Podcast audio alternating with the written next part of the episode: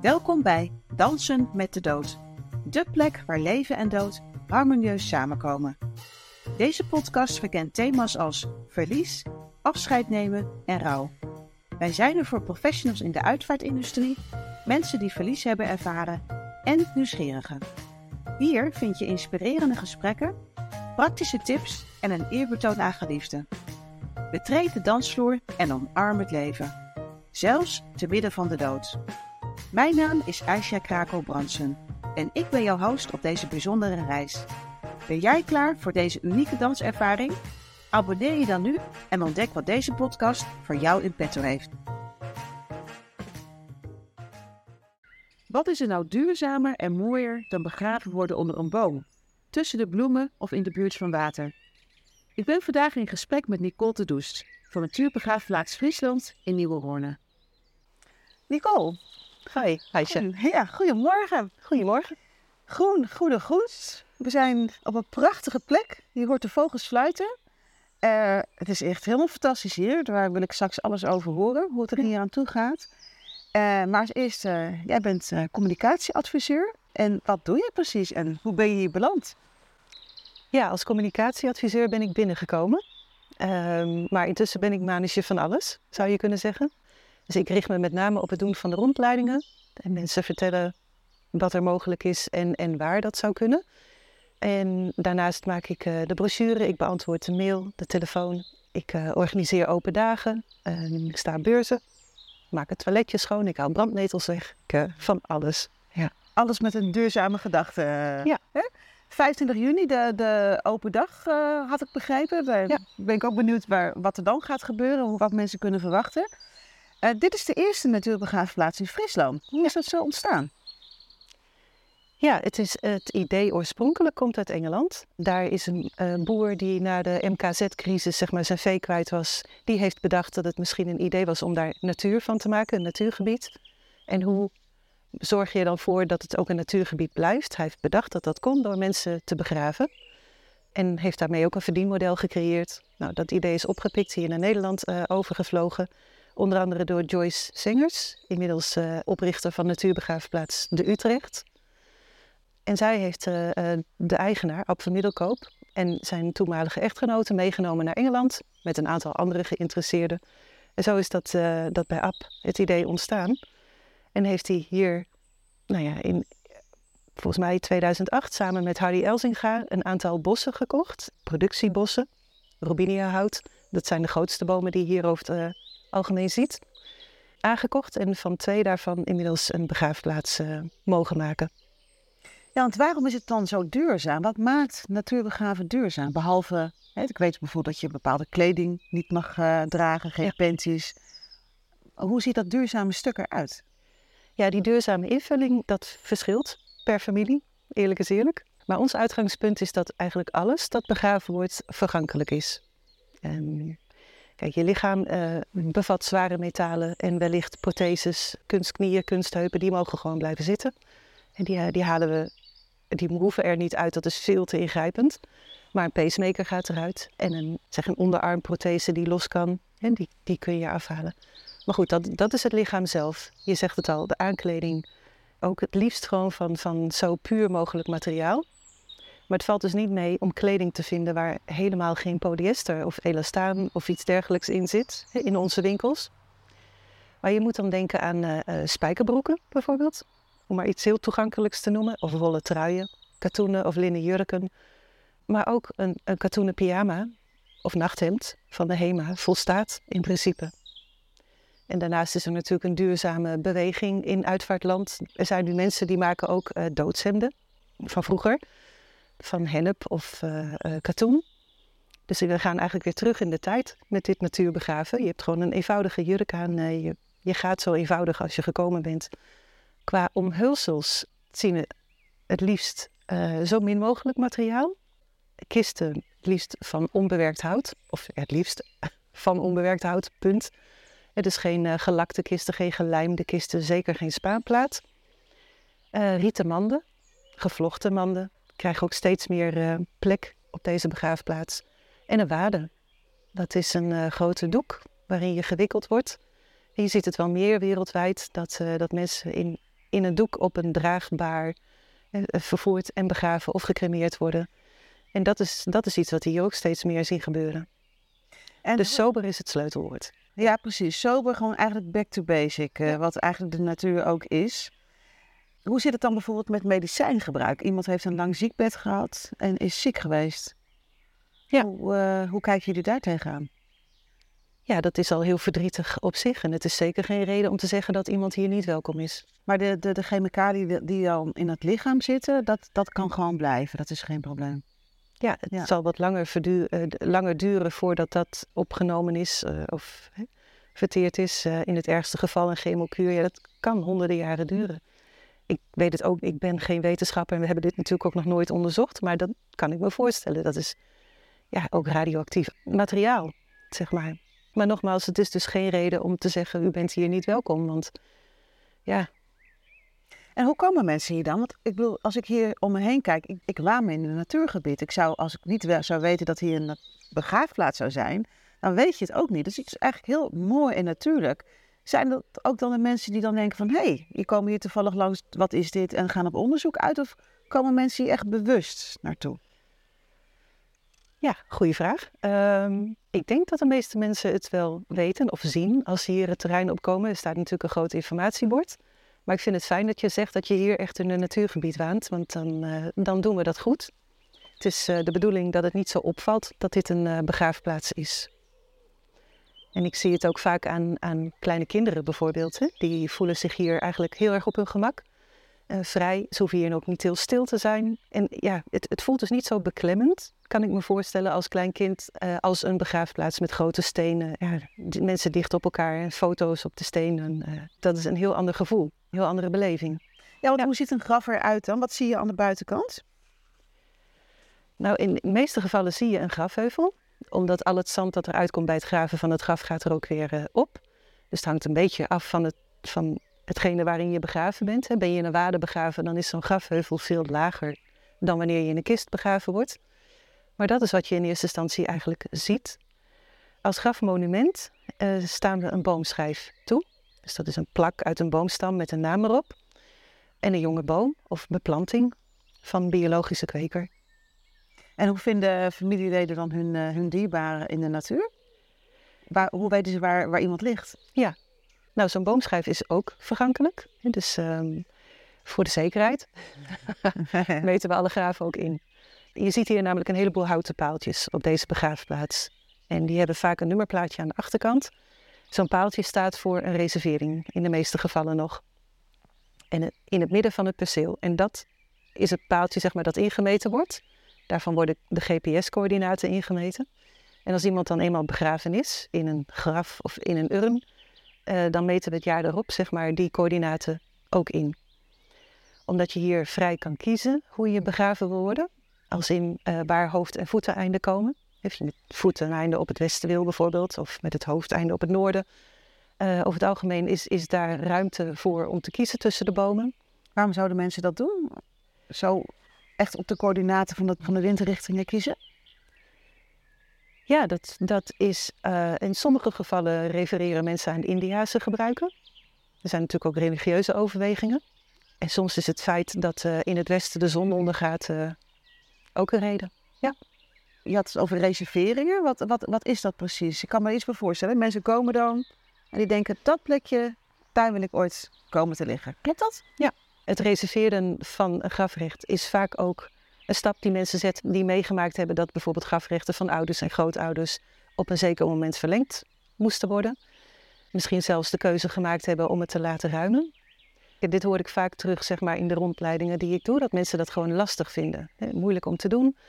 Um, en op deze begraafplaats geven we de grafrechten uit voor 250 jaar. Ik bedoel, wij regeren ook over ons graf, in die zin. Maar dat ligt vast. En die 250 jaar gaat dus in feite pas in op het moment dat de laatste akte is uitgegeven. Dus hier is in zekere zin de grafrust gegarandeerd. En dat is voor veel mensen ook een reden om hiervoor te kiezen. Ik denk ook dan gelijk heel praktisch.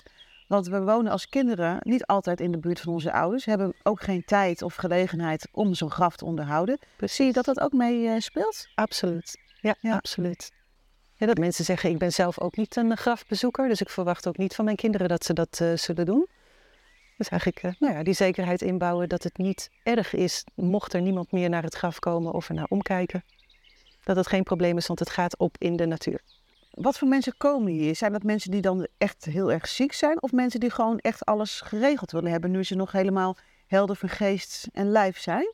Wat is het? Beide. Beide. Ja, dat zijn wel andere rondleidingen natuurlijk qua gevoel. Maar in, in meerderheid komen hier mensen die zich willen voorbereiden op een afscheid. En, en ja, soms is dat omdat ze iets vervelends hebben meegemaakt of voor een afscheid zijn komen te staan en waarvan niemand wist wat diegene had gewild. Maar in de meeste gevallen is het dus omdat het vaak ook de babyboomer generatie betreft, die gewend is om de touwtjes in eigen handen te hebben. En uh, denkt, nou, ik, dit regel ik ook. Hier ben ik ook verantwoordelijk voor. Ja, die babyboom-generatie, de piek uh, wordt in 2055 verwacht. Zijn jullie al bezig op een of andere manier om je daarop voor te bereiden? Als dat al mogelijk is? Nee, niet heel specifiek. Nee. Want hoeveel mensen kunnen hier uiteindelijk begraven worden? Op dit moment hebben we 12 hectare. Dit is een beetje een technisch verhaal. Maar toen uh, Ab en Harry hiermee begonnen, hebben zij gezegd: Nou, we geven 100 grafactes uit per hectare. Dat lijkt ons uh, behoorlijk ambitieus. Dus laten we het daarop uh, op vaststellen. Maar inmiddels blijkt dat er veel meer vraag naar is. En is de ruimte er ook wel om meerdere graven per hectare uit te geven. Dus daarover zijn nu gesprekken met de gemeente. Dat lijkt ook goed te komen. Dus als ik zou moeten zeggen in, in aantallen, dan, dan schat ik tussen de 3 en 5000 uiteindelijk. Want het hangt een beetje van af. Hè. Een grafact is of een enkel graf of een dubbelgraf of een urnengraf.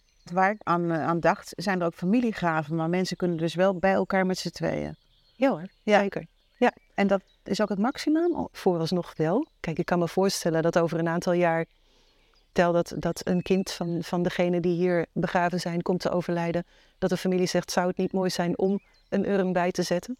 Dat we daar ook niet heel moeilijk over gaan doen. Uh, maar echte graven, zeg maar, op die percelen, dat wordt lastig. Want je hebt immers vastgelegd dat, je, dat zo'n grafperceel aan bepaalde voorwaarden voldoet. En dat iemand het recht heeft om daar begraven te worden. En een ander niet. dus ja, daar hebben we ons ook aan te houden. Als je kijkt naar uh, het rouwproces van, uh, van nabestaanden, hoe kan natuurbegraven daar een positieve bijdrage aan leveren? Nou ja, alleen al het feit dat dit een hele aangename plek is om een graf te bezoeken, denk ik, in alle bescheidenheid. Maar het is wat zachter hier. Het is, het is een plek van leven. Zo kan ik het eigenlijk het mooiste zeggen. Hier is altijd, ja, altijd leven om je heen. En de, de grote stenen die hier niet zijn, maken ook het verschil. Het is niet zo zichtbaar, de, dood, anderen zeg maar, die overleden zijn. Ja, qua sfeer is dit een heel andere beleving om hier terug te komen. En merk je dat het ook dan iets doet met mensen die uh, ja, te maken krijgen met afscheid nemen en verdriet? Uiteindelijk wel, denk ik. Ja, het is uh, voor veel mensen die hier uh, voor kiezen bij voorbaat eigenlijk al een grote troost. Dat het zo'n mooi natuurgebied is en eigenlijk nog mooier gaat worden. Maar inderdaad ook, ook mensen die bijvoorbeeld onverwacht iemand moeten missen. Ja, en hier dan terugkomen, vaker terugkomen dan ze zelf gedacht hadden, omdat ze hier uh, de rust vinden uh, of ruimte voelen om, om hun verdriet te voelen. Wat best belangrijk is, want veel mensen die, die ja, ik heb het de hele tijd over veel mensen, alsof ik iedereen ken, maar zo is het niet natuurlijk. Maar ik heb het idee dat, dat het niet altijd even makkelijk is om na langere perioden nog te praten over je verdriet met anderen. Ik hoor toch ook wel vaak terug dat mensen om zich heen horen van nou, gaat het weer een beetje, pak je het weer op. En dat is niet altijd zo. En dan is het best lastig om te zeggen van nee, het gaat helemaal nog niet. En ik ben nog ontzettend verdrietig en alles uh, staat stil in mijn leven. Ja. Dus ik hoop dat die ruimte hier wel gevoeld kan worden. Ja, dat is bijna een, een soort klok die er staat op, uh, op rouw. En nu moet het klaar zijn, nu moet je weer verder inderdaad. En dat gaat natuurlijk in golven. En soms gaat het wel goed en soms niet. En we kunnen er misschien wat lastig over praten. Die ruimte, ik weet dat het ook uh, tijdens een ceremonie uh, hier is. Want je huurt het voor een dagdeel, hè, toch? De overkapping waar we zijn. Je bent niet gebonden aan de volgende familie die staat te trappelen. Nee. Dat, uh, nee dat ervaren mensen ook als, als prettig, neem ik aan. Ja, dat geloof ik wel. Ja. ja het, het, komt sowieso niet vaak voor dat er twee uitvaarten op één dag zijn. En ja, de, de, de kapschuur wordt ook niet zozeer verhuurd. Het hoort gewoon bij het begraven. Oké, daar mag je gewoon gebruik van maken als je ja, uitvaart en uitvaart hier hebt. Ja, precies. Dus hij mag gebruikt worden voor, voor een afscheidsceremonie, maar ook voor de nazit bijvoorbeeld. Ja. Ja, dat is heel mooi om hier te zitten inderdaad. Ik heb het zelf wel eens meegemaakt met een hapje en een drankje. Ja. En misschien iets wat de overledene graag uh, at of dronk. Dat je daar zo met elkaar zit. Als je kijkt naar de lokale flora en fauna, eh, is er iets wat, uh, wat er uitspringt? Je gaf net al de bomen aan. Is er nog iets wat je kan noemen, bijvoorbeeld bepaalde dieren die hier voorkomen? Nou ja, de, de oorspronkelijke bewoners van dit gebied zijn de dassen. en die zijn er nog steeds. Dus dat is heel fijn. Dat, we, um, dat elkaar niet in de weg lopen. En zij, uh, zij breiden ook maar uit hè, qua, qua familieleden. Hartstikke leuk. Nou ja, je ziet hier natuurlijk reeën, damherten, uh, vossen, eenden, allerlei vogels. Je hoort ze ook weer in mooi koor, ja. ja. Nou, we hebben hier um, eens in de zoveel tijd schapen lopen die ons helpen met het uh, ja, natuurlijk beheer, zeg maar. Die houden het gras kort, uh, eten ook alle bloemen op trouwens. maar goed, laten ook mest vallen uiteraard, waar weer insecten op afkomen, waar weer nieuwe vogels op afkomen. En die, uh, die, die insecten graag lusten. Dus ja, dit is een, een, steeds, een, een biotoop die steeds weer tot ontwikkeling komt. Echt heel mooi. Kun je nog wat voorbeelden geven? Je geeft schapen die het gras uh, maaien eigenlijk, uh, waardoor de, ja, het allemaal weer goed gaat groeien. Hoe, hoe, met wat voor team onderhouden jullie dit? Ja, het is een vrij klein team. uh, Ab van Middelkoop is, is degene die hier ook het beheer grotendeels zelf doet. Hè? Dus wat wel leuk is om te vertellen, misschien, hij is inmiddels 65. En hij heeft een jaar of drie, vier geleden nog een hbo-opleiding natuurontwikkeling afgerond. Dus uh, als er iemand is die van zijn hobby zijn werk gemaakt heeft, dan, uh, dan is het Ab. En hij heeft er gewoon heel goed over nagedacht hoe dit in te richten samen met een uh, landschapsarchitect, ehm, dat wel. Ja, maar hier zijn, we zitten hier aan een watergang, die zijn door ons gegraven. En met het zand dat daaruit komt, hebben we het terrein ook opgehoogd om er te kunnen begraven, hè, om voldoende afstand te houden. Dus het is al mooi dat, dat er geen zand van buitenaf hier gebruikt is. Er zijn tussen die robinia's die eigenlijk vreemd zijn in ons land. Het is een acacia-soort, een Amerikaanse boom. Heel veel jonge inheemse bomen geplant. En uh, nou ja, we zitten hier in het gedeelte rondom de kapschuur. Dat is acht jaar geleden aangelegd. En je ziet dat het ontzettend mooi tot ontwikkeling uh, komt. En ja. dat, dat gaat vanzelf. Ja, precies. Ik zie heel veel mooie berken ertussen. Ja, uh, veel bomen die vrucht dragen ook. De Gelderse roos en de, lijst, de lijsterbes. Ja, waar vogels weer dol op zijn. Ja, en veel wilde bloemen hebben we ingezaaid. En uh, nou, misschien dat we daar straks nog even naartoe kunnen lopen. Met name de koekoeksbloem heeft het hier heel erg naar zijn zin. Ja, oké. ja, en die bloeit nu ook ontzettend mooi. Ja, ja want eigen bloemenzaden mag ne neem ik aan niet, hè? Dat, uh, dat lijkt me niet de bedoeling. Nou, bij de grafakte doen we altijd een, uh, een kleine, klein zakje, zeg maar, met de wilde bloemenzaden die we hier zelf ook ingezaaid hebben. Dus dat mag hier bij een graf ingezaaid worden. Of thuis eventueel. Uh, en het, het, het mag allemaal wel als het maar van een biologische kweker komt en inheemse soorten zijn. Dus een, uh, een wilde liguster in plaats van een vlinderstruik. Als je graag een struik wil uh, planten waar vlinders op afkomen. En er komen niet alleen vlinders op af, maar ook hommels en bijen.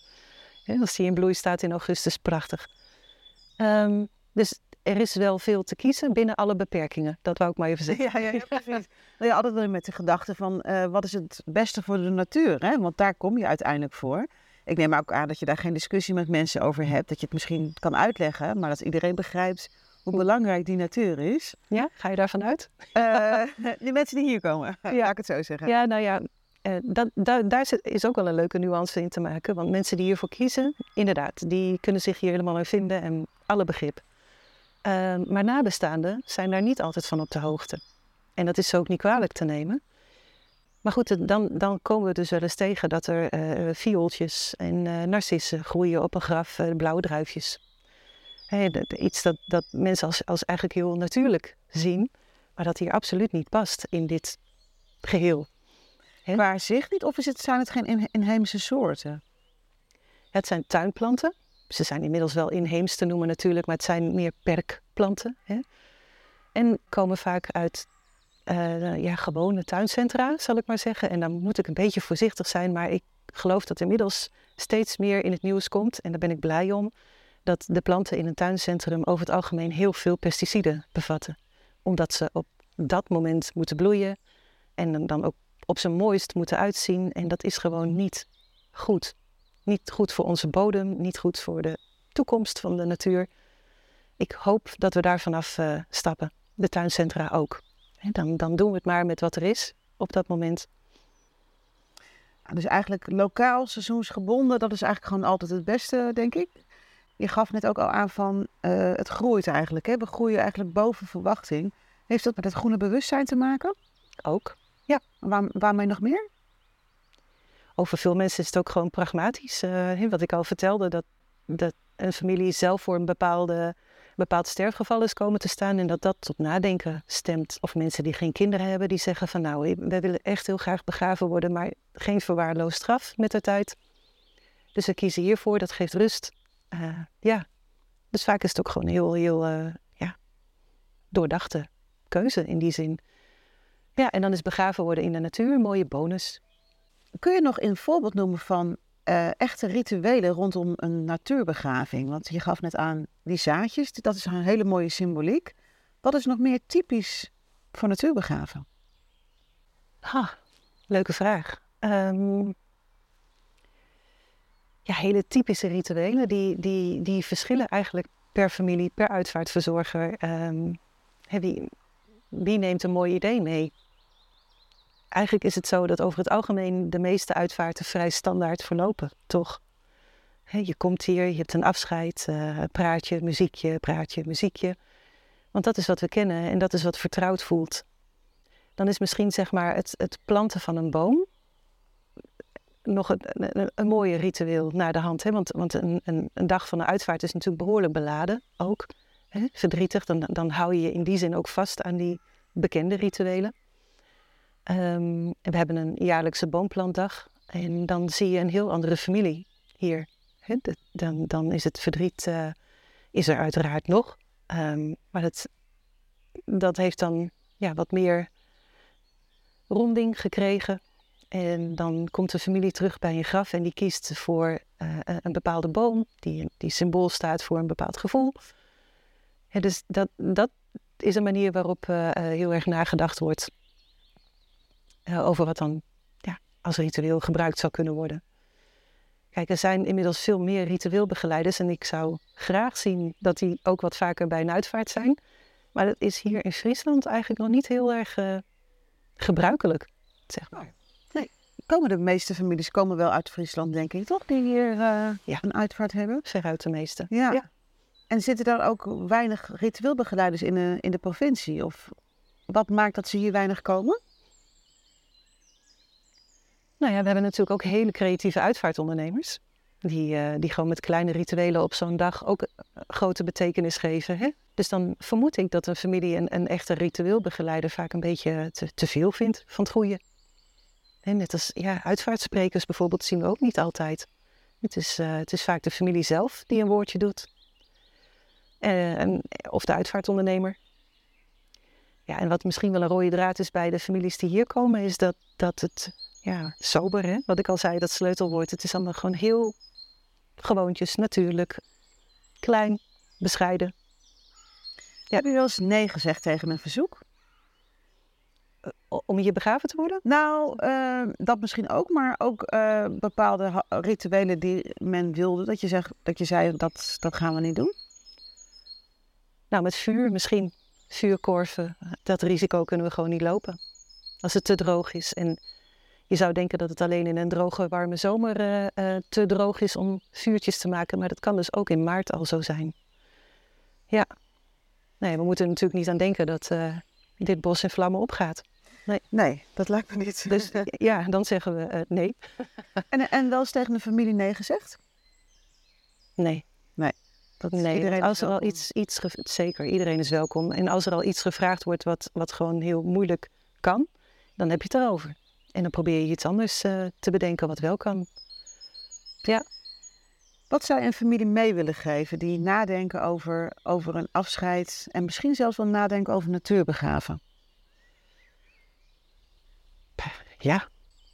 Ja, ik denk dat het heel dicht, zeg maar, staat het concept van natuurbegraven bij wie wij zijn. Um, tenzij je een echte, uh, ja, ik weet niet, een, een glamour uh, vrouw bent of zo. En uh, sieraden, make-up. En, en, dan denk je daar misschien anders over. Maar, maar over het algemeen, hier in Friesland, het past gewoon enorm zeg maar, bij, de, bij die natuurlijke verbondenheid die heel veel Friesen überhaupt al hebben met het land en met alles dat om hen heen leeft. Dus ik, ja. Dat past er gewoon bij. Ja. Is het dan misschien iets wat mensen niet weten, een bepaald idee wat niet klopt? Het algemene beeld? Nou ja, dan, dan kom ik op bijvoorbeeld die, die, uh, die kunstheup en kunstknieën, zeg maar. dat mensen echt denken van dat moet eruit. Hè? Of mensen inderdaad die chemotherapie gehad hebben, dat dat niet kan, dat dat niet mag. Dat zijn inderdaad misverstanden die ik wel eens hoor. Ja, en die kan je misschien eh, op 25 juni uh, rechttrekken. Want hoe ziet zo'n open dag eruit? Ja, nou dit jaar doen we het in de vorm van een wandeling. Dat hebben we één keer eerder gedaan in een soort kunstroute, zeg maar. Dus er zijn uiteraard uh, ondernemers. Um, de meeste gewoon van heel dichtbij, uit Friesland zelf. En uh, kistenmaker, mandenmaker, een ritueelbegeleider, een afscheidsfotograaf, een rouwbegeleider. Maar ook mensen die, die hier iemand begraven hebben of gereserveerd hebben en zelf kunst maken. Of schrijver zijn of dichter. Of... Dus we zetten een hele wandeling uit over de hele begraafplaats. Waarbij mensen ja, dus tegen iemand aanlopen en daar wat meer te weten kunnen komen. Dus het is een, een dynamische route. Klinkt creatief. En hoeveel mensen komen op zo'n dag af, verwacht je? Hoop je? Hoop ik. Ja, nou ja, ik hoop een paar honderd. Ja, en ik hoop natuurlijk dat het mooi weer is, want ja, de kapschuur waar we hier voor zitten is de enige overkapping op dit terrein. Dat zou mooi zijn. Eh. Ja, nou ja, als mensen eh, verregenen, dat, uh, hoe dicht wil je bij de natuur staan, hè? Ja, ja, ja. Maar als je hier dan de hele dag moet zitten, is het niet zo leuk. Nee, nee, met je mooie kunstwerken. Dankjewel voor dit uh, openhartige gesprek. Ik vond het heel, heel waardevol. Dankjewel voor de uitnodiging.